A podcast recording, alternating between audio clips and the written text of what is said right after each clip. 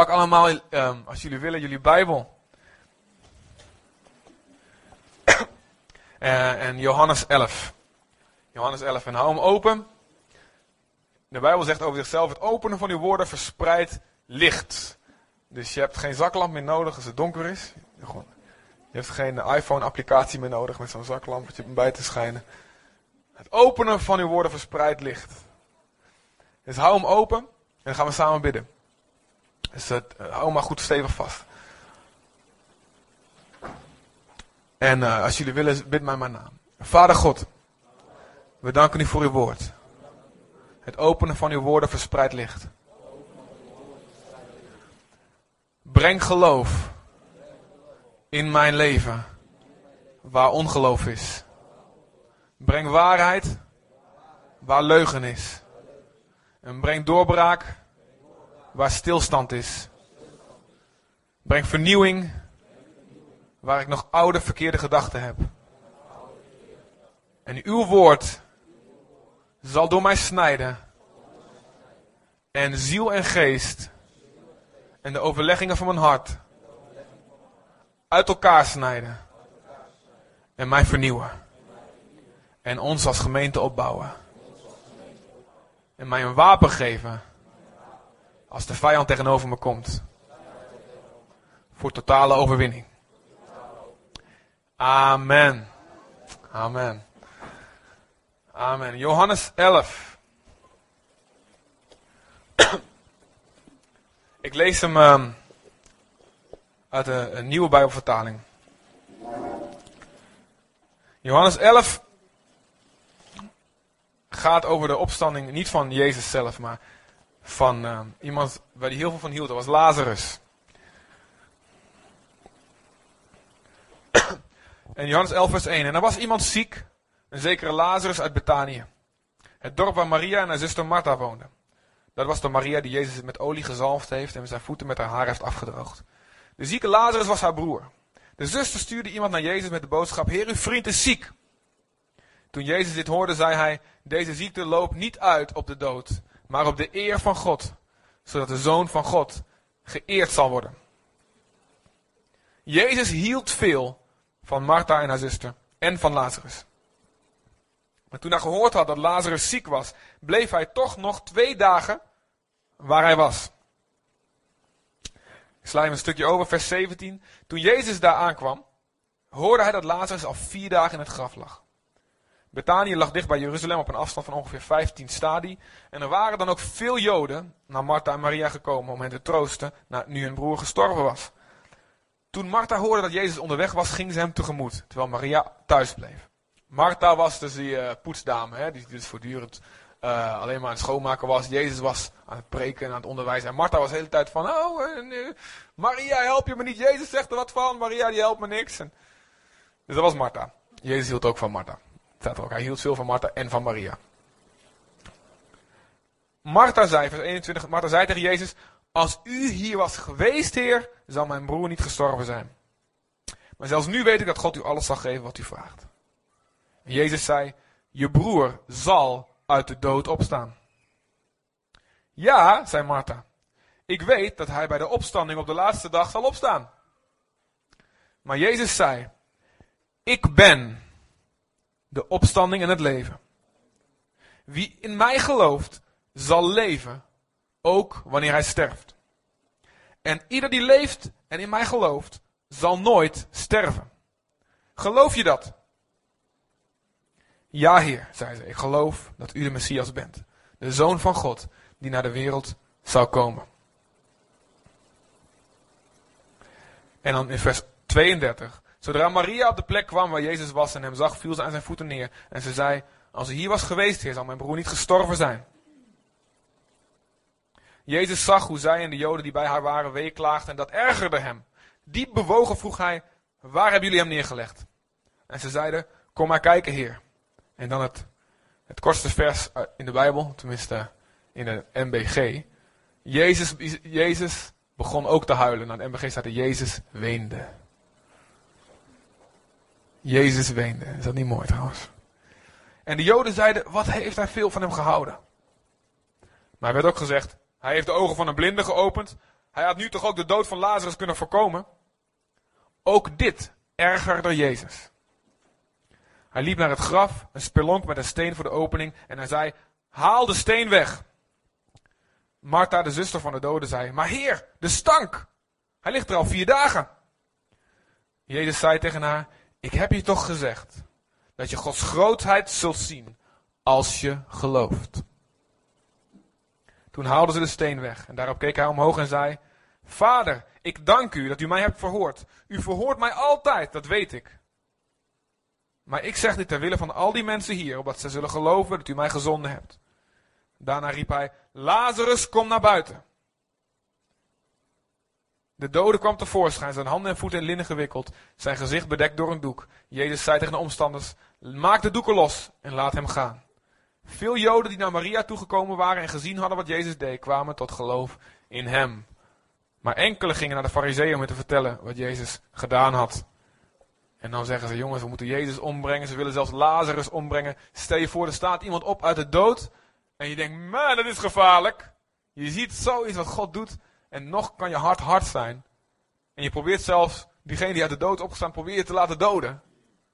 Om te voorkomen dat mensen erin gaan geloven. Dat is een heftige, uh, verkeerd hart. Jezus zegt, ik ben, die midden in het stuk hebben we dit gezien in vers 25.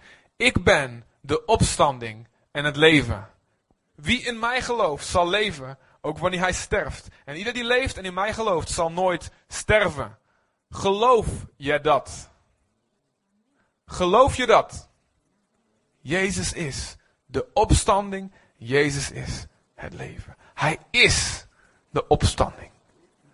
Hij stond op, niet omdat hij toevallig opstanding langs hem kwam. Nee, hij is de opstanding. Hij kon niet anders dan dat hij zou opstaan, want hij is het. Hij is het leven. Hij is de opstanding. En dan moet je, ook, moet je opletten wat hier allemaal gezegd wordt um, door Martha door Maria. Je ziet dat ze zegt, als u hier was geweest, Heer, dan zou mijn broer niet gestorven zijn. En Maria zegt het ook, Heer, als u hier was geweest, was het niet gebeurd. En, en de, de, mensen eromheen zeggen, hij had een blinde, heeft hij ook genezen. Hij had dit ook kunnen voorkomen. Ze hadden zoiets van, als hij vroeger was gekomen, was er nog iets mogelijk geweest. Dat paste nog binnen hun denken. Een ziekte genezen. Dat hadden ze gezien van hem. Zieken genezen. Daar hadden ze geloof. Ze hadden geloof binnen bepaalde grenzen. En hier staat, ze hadden geloof voor het verleden. Ze hadden geloof voor, als u toen was gekomen, dan had het, was het niet gebeurd. En dan zegt Jezus, ik ben. Dan zegt Jezus, je broer zal uit de dood opstaan. En dan antwoordt Martha, ja, ja, ja, dat weet ik. Dan komt ze met het religieuze antwoord. Ik weet hè, dat er in de schriften staat, er komt een dag van opstanding, en alle doden zullen opstaan. Dat wisten de Joden toen ook al. Eh, Daniel spreekt erover, Jezaja spreekt erover, Psalm 16 spreekt daarover dat de doden zullen opstaan. En ze zegt, ja ik weet, mijn broer zal opstaan, dan en dan. Over zoveel eeuwen, of hè, als de laatste dag komt. Dus let op, ze had geloof voor het verleden. Had geloof voor de toekomst. Maar Jezus zegt, ik wil dat je geloof hebt voor het hier en voor het nu. En dat is wat Jezus tot ons zegt vandaag. Je hebt geloof nodig voor het hier en voor het nu. Heel veel mensen Let op, geloof voor het verleden is heel belangrijk. Onmisbaar. En geloof voor iets in de toekomst is net zo onmisbaar. Maar het geloof in het verleden plus het geloof voor de toekomst moet leiden tot het geloof voor het nu. Wat bedoel ik daarmee? Um, heel veel mensen hebben. Uh, het, is, nou ja, het is heel goed geloof te hebben voor iets wat vroeger gebeurd is. Het is heel belangrijk dat wij geloven dat wat hier in de Bijbel staat echt gebeurd is. En wij geloven, dat noem je historisch geloof. Wij geloven dat dit echt gebeurd is. Wij geloven dat God de wereld geschapen heeft.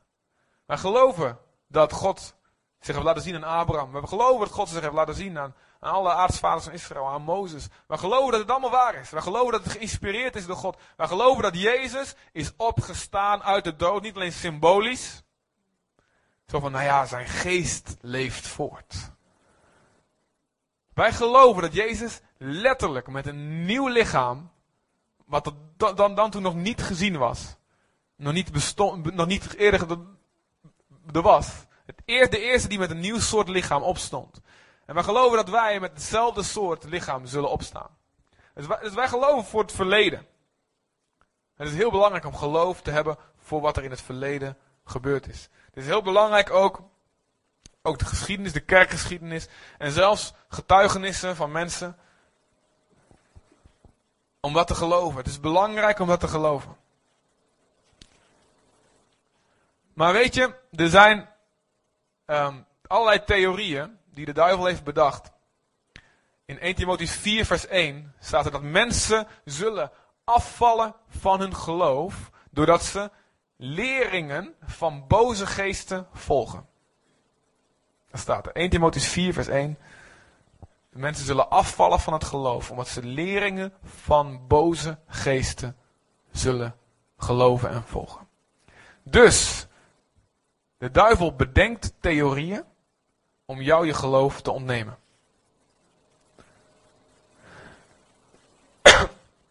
En een voorbeeld daarvan is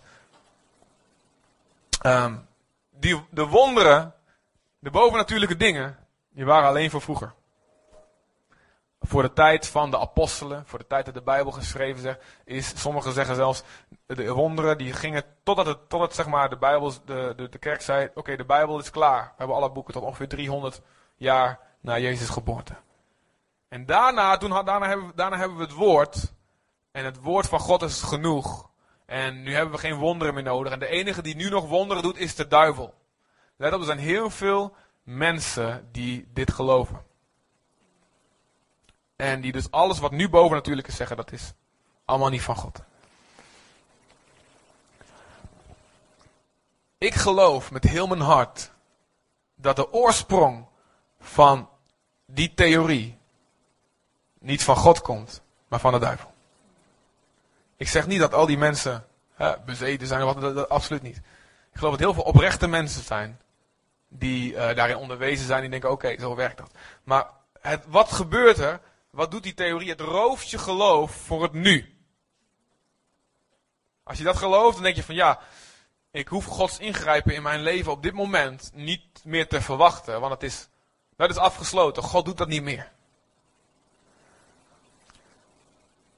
En God wil dat we geloof hebben voor het nu. Amen? Ja. En wat er gebeurd is, en John Wesley heeft het zo gezegd. Dus er waren mensen die, die zagen in hun leven. Um, er waren kerkleiders op een gegeven moment, na, na de eerste eeuw, ergens in de vierde, vijfde, zesde eeuw. En die, uh, die, zagen niet, die zagen door hun handen niet gebeuren wat eigenlijk zou moeten gebeuren. Die zagen de wonderen niet meer omdat ze zonde in hun leven hadden. En allerlei compromissen sloten met de vijand. En uh, om zichzelf te rechtvaardigen. Ze, hadden, ze hielden niet van de waarheid. Ze gingen niet voor wat, wat, wat eigenlijk waar was. Maar ze hielden meer van zichzelf. Ze wouden hun positie vasthouden. Gingen ze belachelijk maken. Uh, die gaven gingen ze belachelijk maken. Dat is allemaal bijgeloof. En zo zie je dat hè, het menselijk vlees. Mensen, er waren mensen die dus uh, een reden hadden om te zeggen: Ik wil, ja, die wonderen is allemaal niet meer voor nu. Die, hebben, die, zijn met die theorieën gekomen. En, en ze gaan verklaren. Van nou weet je wat, ik zie die wonderen niet meer.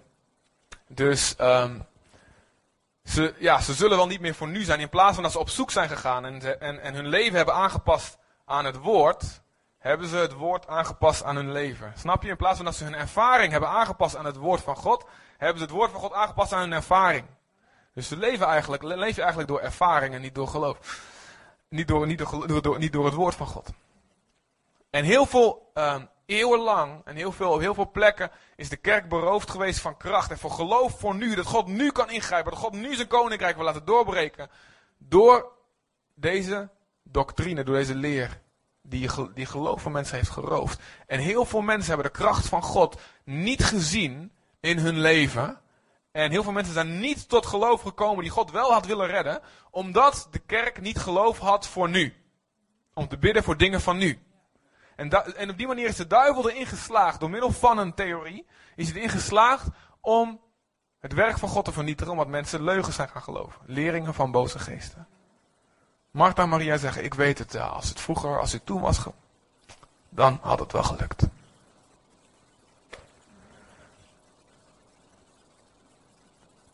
Of een andere variant is van, ja, weet je wel, God die, die kan allemaal dingen doen. Die kan allemaal dingen in je leven doen. Maar dat is alleen in het begin van je leven met God, je eerste liefdestijd. Dan heb je passie, dan heb je vuur. Dan sta je midden de nacht op en zing je halleluja. En dan heb je blijdschap. En dan heb je enthousiasme. Maar na twee, drie jaar en een paar woestijnperiodes verder. Is het afgelopen met die blijdschap. En dan uh, zegt God van ja, nou moet je, ben je volwassen. Nou wil ik je niks meer laten voelen. Dan wil ik je niks meer laten. Nou, uh, het enthousiasme, dat, is, dat is, nou, is nou afgelopen. Dat is alleen voor die beginnelingen. En nu is het uh, vasthouden tot Jezus komt. en vastklampen. Dat was het. Ook dat is een leugen. De Bijbel zegt je zal alleen maar omhoog gaan en niet neergaan. Je zal een kop zijn en niet een staart. Het pad van de rechtvaardige schijnt steeds helderder tot aan de volle dag. En zij die hem lief hebben zijn als de opgaande zonder naar kracht. Amen. God wil dat je alleen maar meer passie krijgt, meer geloof krijgt, meer vuur krijgt, meer enthousiasme krijgt. Tot aan de volle dag. Zo is dat. Sommige mensen pakken die, die, die, die komen tot leven hier. Halleluja. God zegt, focus niet in je geloof alleen op het verleden. Het is belangrijk, geloof voor het verleden. Maar het moet leiden naar geloof voor het nu. Ik ben, zegt God, de opstanding in het leven. Dan geloof voor de toekomst. Ook belangrijk, heel belangrijk. En ik wil een flink stuk met jullie lezen uit 1 Korinthe 15 over geloof in de toekomst. Wij zijn, uh, we houden van het woord, of niet? Weet je wat er vroeger gebeurde? In de, eerste, het lijkt me toch te gek een tijdmachine te hebben, zoals uh, professor Barbas, zo. Zo'n tijdmachine. En um, trouwens een geweldige film gezien laatst, Time Traveler's Wife. Dat was echt een... En, um, maar een tijdmachine en terug te gaan even naar de eerste gemeente, hoe ze een dienst hadden. En weet je wat ze, heel veel, weet je wat ze deden? Ze lazen hele brieven voor. En ik vraag me af of wij dat nog wel aankunnen. Zal ik een hele brief van 1 Corinthians voor... Nee.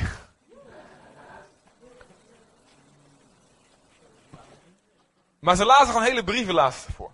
En uh, mensen waren ook meer getraind in die tijd, want uh, veel minder mensen konden lezen.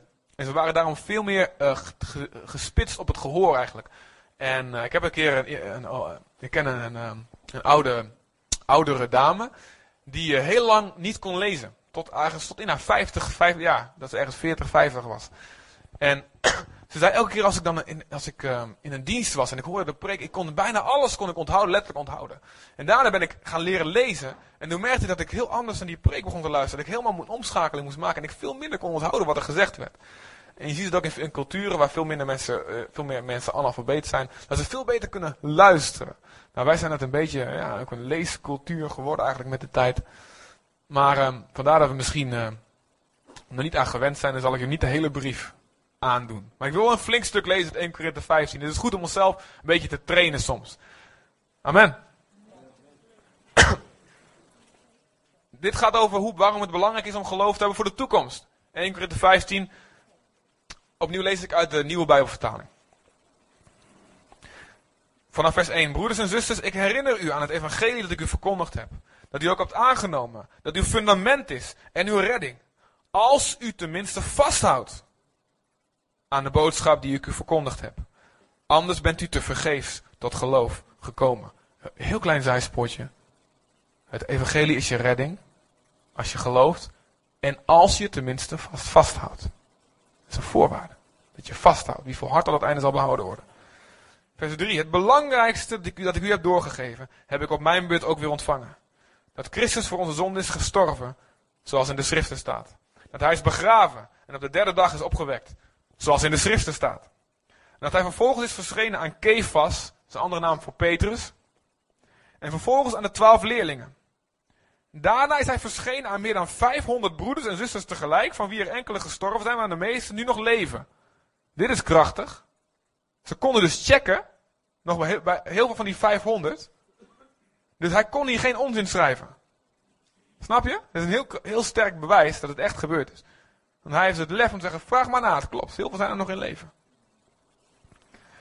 Vers 7, vervolgens is hij in Jacobus verschenen, zijn eigen broer. halfbroer. En daarna aan alle apostelen. En pas op het laatste is hij ook aan mij verschenen, aan het misbaksel dat ik was. Want ik ben de minste van apostelen, ik ben de naam apostel niet waard, omdat ik Gods gemeente heb vervolgd. Ik spring even naar vers 12. Maar wanneer nu over Christus wordt verkondigd dat hij uit de dood is opgewekt. Hoe kunnen sommigen van u dan zeggen dat de doden niet zullen opstaan? Er was dus een, een theorie, een leer, een theologie die gemeente binnengekomen. Er is helemaal geen opstanding uit de doden. Oké, Jezus, het klopt allemaal wel van Jezus, hij is de Messias, maar de doden staan niet op. Waarschijnlijk komen die uit de kring van de Sadduceeën. Die naast de Farizeeërs had je bij de Joden ook de Sadduceeën. Um, die vooral uh, in de priester, um, priesterlijke zin rond de tempeldienst actief waren. En zij geloofden niet in de opstanding uit de dood. Ze geloofden ook niet in geesten en niet in engelen. Dus als het ware de westerse rationalistische mensen van die tijd. En daar was dus ook binnen de kerk, begonnen dus een, een theorie te komen. Jongens, de doden staan helemaal niet op. En ze zeggen dat je kunt nog wel in Jezus blijven geloven zonder dat je in de opstanding uit de dood gelooft. En Paulus zegt het is belangrijk, superbelangrijk, dat je geloof hebt voor de toekomst, voor de opstanding. Dan gaat hij het uitleggen. Vers 13. Als de doden niet opstaan, is ook Christus niet opgewekt. Toch? Als doden niet kunnen opstaan. Dat past niet binnen jouw denken. Een dode die opstaat, hoe kan dat nou? Hij is half weggerot en uh, hoe kan dat nou? Dat lukt niet. Dat past niet binnen je denken. Dan kan Jezus ook niet opstaan. Als het niet past in je, je gedachten, past de opstanding van Jezus ook niet in je denken. En als Christus niet is opgewekt, is onze verkondiging zonder inhoud en uw geloof zinloos. Dan blijkt dat wij als getuigen van God over hem hebben gelogen, omdat we verklaard hebben dat hij Christus heeft opgewekt. Want als er geen doden worden opgewekt, dan kan hij dat niet hebben gedaan. Wanneer de doden niet worden opgewekt, is ook Christus niet opgewekt. Maar als Christus niet is opgewekt, is uw geloof nutteloos. Bent u nog een gevangene van uw zonde? En worden de doden die Christus toebehoren niet gered? Dus de mensen die dood zijn, gaan tot nu toe. Die hebben er niks meer aan. Als wij alleen voor dit leven op Christus hopen, zijn wij de beklagenswaardigste mensen die er zijn. Maar Christus is werkelijk uit de dood opgewekt. Als eerste, eersteling van de gestorvenen. Zoals de dood er is gekomen door een mens, zo is ook de opstanding uit de dood er gekomen door een mens. Zoals wij door Adam alle sterven, dus door de zonde van Adam, zo zullen wij door Christus allen leven gemaakt worden. Maar ieder op de voor hem bepaalde tijd. Christus als eersteling. En daarna, wanneer hij komt, zij die hem toebehoren. Dat moet zo'n moment zijn, jongen. Je ligt in het graf, je bent nergens van bewust. En ergens na, weet ik veel, misschien na een jaartje, misschien leven wij nog als Jezus komt. Misschien, misschien na een jaartje dood, misschien na honderd jaar, misschien na duizend jaar, ik weet niet. Ik denk niet duizend jaar, ik denk ook geen honderd jaar, moet ik zeggen. Ik denk misschien uh, maximaal twintig of dertig. Maar goed, ik dacht vroeger ook dat we het jaar 2000 nooit zouden halen. Dus ik dacht vroeger, ik hoef nooit, ik, ik hoef toch niet te denken aan trouwen of kinderen krijgen of wat voor werk ik ga doen. Echt waar, want in mijn, in mijn kerk waar ik opgroeide werd elke week over de wederkomst gesproken. En ik dacht van ja, 2000, dan ben ik 22 jaar. Dus uh, ik hoef me eigenlijk nergens op voor te bereiden. Echt als een kind dacht ik dat serieus. Maar dan komt en ik zo'n geluid in je, in, je kist of waar en ik komt daar een nieuw lichaam over je botten. En op een of andere manier, Jezus komt door de muur heen. Dus je kan door die grond heen naar buiten. Hoe blij ben je dan? Hoe blij ga je worden als je denkt, het is echt allemaal waar. En, en dan zie je, als we misschien, eh, misschien hebben we later een Berea begraafplaats gaan we oprichten of zo. En dan liggen we met z'n allen samen. En dan, hey! Je ziet er een stuk beter uit dan toen ik je kende. Maar allemaal zullen we zonder rond de 30, 33 zijn misschien, hè? De tijd dat Jezus... De knapste leeftijd, come on. Dank u. En allemaal... De Heer tegemoet in de lucht staat er. Hey, hallo. Westers op... Oh, sorry, ik wil niet naar jullie hoor. Doei. Westers opgeleide mens. Past dat binnen je denken? Kun je het hebben? Of ben je, ben je een Griek? En ik, is een belediging voor mijn verstand wat je nou zegt. De doden worden opgewekt. En het is belangrijk dat ze geloven. Wat te gek. het eerste wat ik ga vragen. En wie was nou de antichrist? Wie was het nou? Was het toch Balkenende? Ach. Nee, over de overste van uw volk zal u geen kwaad spreken. Een grapje, juist omdat hij de, de liefste, ja, van de lieve man vind ik het. Die knip, ja, die knip maar uit het internet.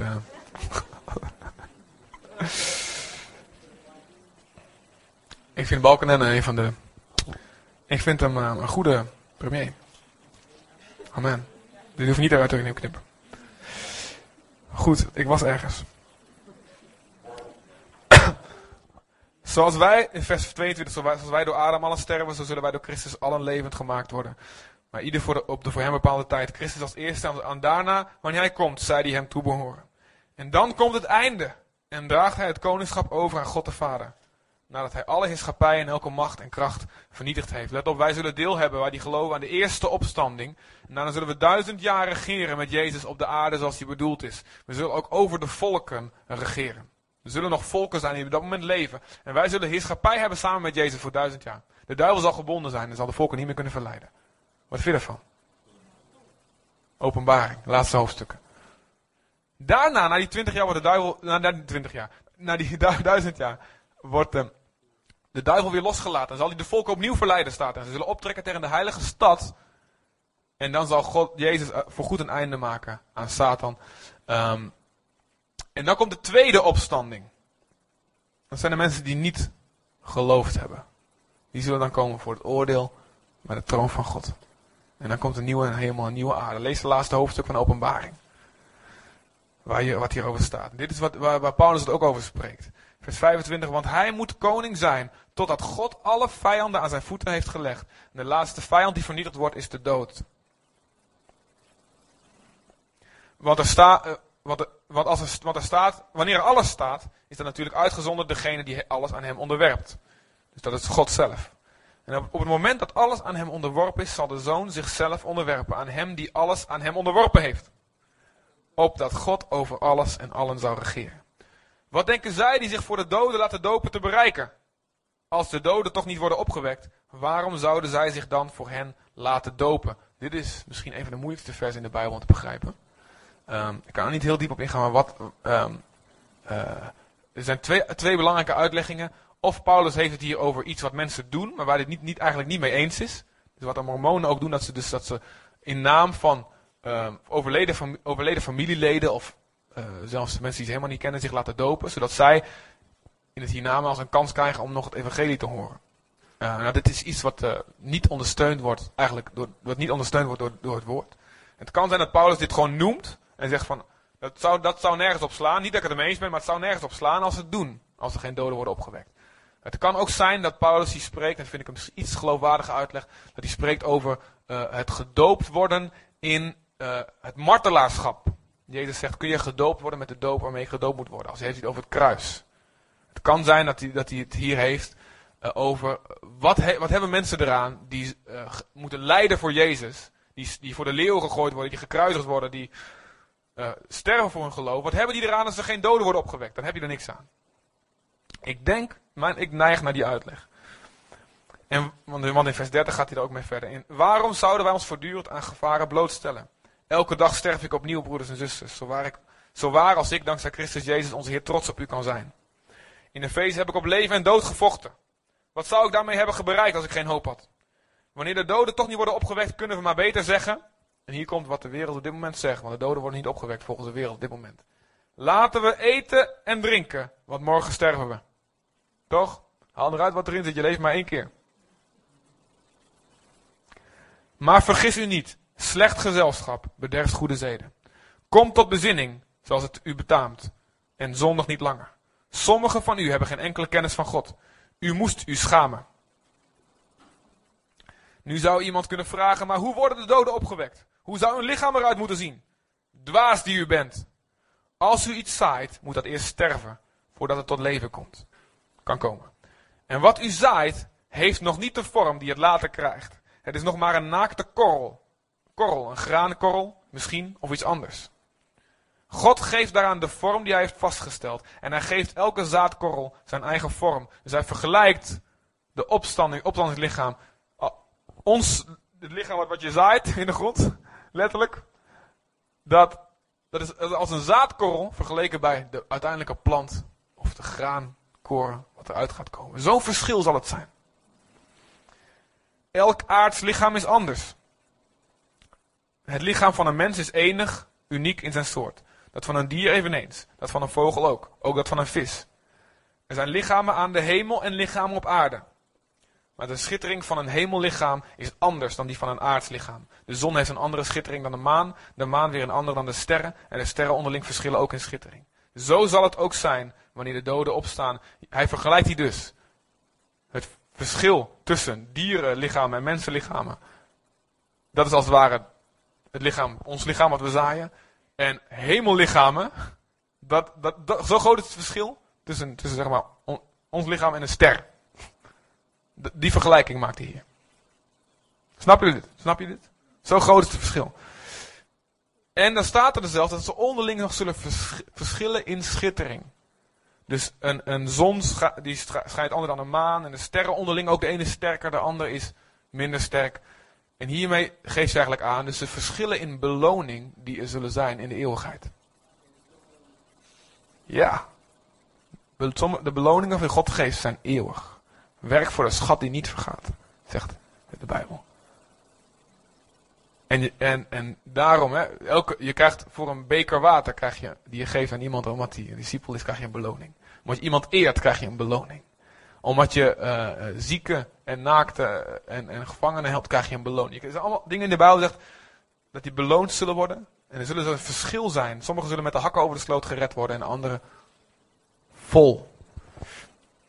Wat in vergankelijke vorm wordt gezaaid, wordt in onvergankelijke vorm opgewekt. Vers 43. Wat onaanzienlijk en zwak is wanneer het wordt gezaaid, wordt met schittering en kracht opgewekt. Er wordt een aards lichaam gezaaid, maar een geestelijk lichaam opgewekt. In vers 49. Vers 48, sorry. Ieder stoffelijk mens is als de eerste mens, Adam. Ieder hemelsmens is als de tweede. Je bent een hemelsmens. Zeg even tegen je buurman, je bent een hemelsmens. Je bent een hemelsmens. En zoals wij nu de gestalte van de stoffelijke mens hebben, zo zullen we straks de gestalte van de hemelse mens hebben.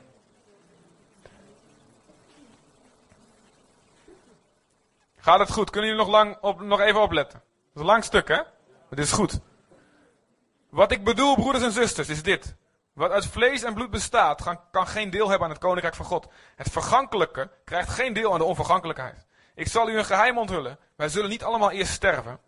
Toch zullen wij allemaal veranderd worden. Hij ging ervan uit dus, Jezus komt nog terwijl ik leef.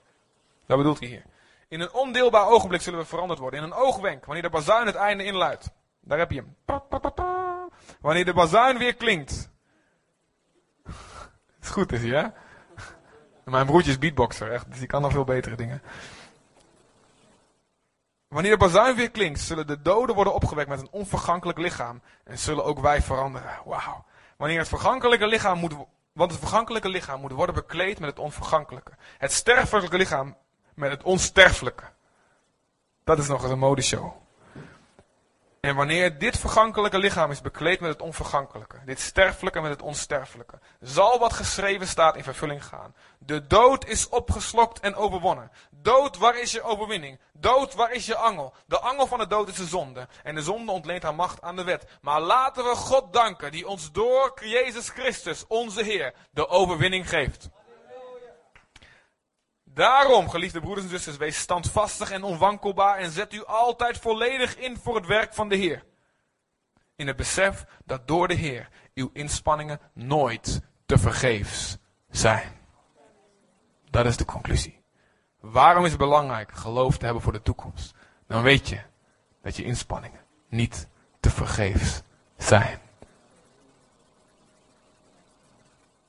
Wauw. Geloof voor het verleden is belangrijk. Geloof voor de toekomst is belangrijk. Maar als, je echt, als, als het echt geloof is, dan leidt dat tot geloof voor het nu. Voor het hier en voor het nu. Geloof dat God mij nu de kracht geeft zonde te overwinnen. Elke zonde. Ik hoef niet te leven met één stuk, waar de duivel nog, één gebied in mijn leven waar de duivel nog terrein vasthoudt. Ik hoef dat niet te accepteren. Jezus heerst totdat alle vijanden aan, als een voetbank voor zijn voeten zijn geworden. Stond er. Amen. Alle vijanden.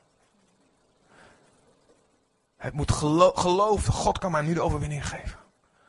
God kan nu mij kracht geven om hem te dienen, wat hij staat. Standvastig te zijn, onwankelbaar, altijd me volledig in te zetten voor het werk van de Heer. God kan mij kracht geven daarvoor. Geloof voor het nu. Geloof voor alle wonderen die nodig zijn. Om iedereen te vertellen en te laten zien wie Jezus is.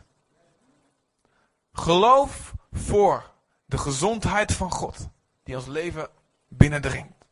Geloof voor genezing voor elke ziekte. Geloof zelfs voor opstanding uit de doden. Want dat is, dat is de context waarin Jezus zegt. En niet alleen voor vroeger. Niet alleen voor later. Niet alleen van, oh, als de opwekking in Zutphen uitbreekt, jongen, dan gaan we een goede tijd hebben. Opwekking kan nu, hier, uitbreken. Jij bent opwekking. Je kan een doorbraak zijn.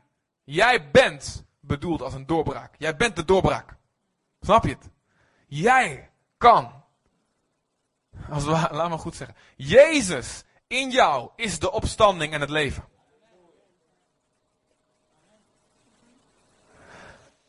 De duivel wil jou laten geloven. Het is alleen voor vroeger. Het is alleen voor later. Of, dat is ook een goede. Het is alleen voor ver weg. Alleen voor Afrika, daar hebben ze geloof. Alleen voor India, daar hebben ze wonder. Alleen voor China, daar hebben ze gemeentegroei. Alleen voor Latino's. Alleen voor... Daar heb je een grote kerk, daar gebeurt het. De duivel zal alles inzetten om jou je geloof voor het hier, voor het nu te ontnemen. Zodat jij opgeeft je strijd tegen zonde, opgeeft je strijd tegen de werken van de duivel, opgeeft je strijd tegen onrecht, want je denkt het kan toch niet, het probleem kan niet opgelost worden. God wil mensen hebben die geloof hebben voor het hier en voor het nu. Ik ben de opstanding en het leven. De opstandingskracht van Jezus moet zich volledig manifesteren door ons heen. Geen probleem is te groot voor Jezus. Ik heb zelfs geloof. Wij kunnen als kerk problemen als aids en honger en armoede oplossen. Ik weet ook dat er een gebroken schepping is. Ik weet ook, de duivel is nu al niet gebonden. Ik weet het. Maar ik geloof wel. Wij kunnen het onmogelijke bereiken samen met God. Alles is mogelijk voor wie gelooft. Alleen als je zegt, Jezus, als ik kom, zal ik het geloof vinden op aarde. We moeten ons denken laten vormen door het woord van God alleen. Geen leringen van boze geesten meer aannemen. Het is voor ver weg, het is voor vroeger, het is voor later. Het is voor nu. Ik ben de opstanding in het leven. Zullen we gaan staan? Y la música, por favor.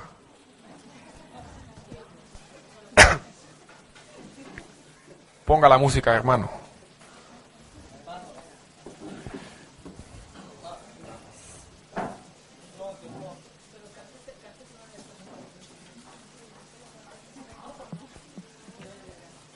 Doe maar, ik geloof in God de Vader.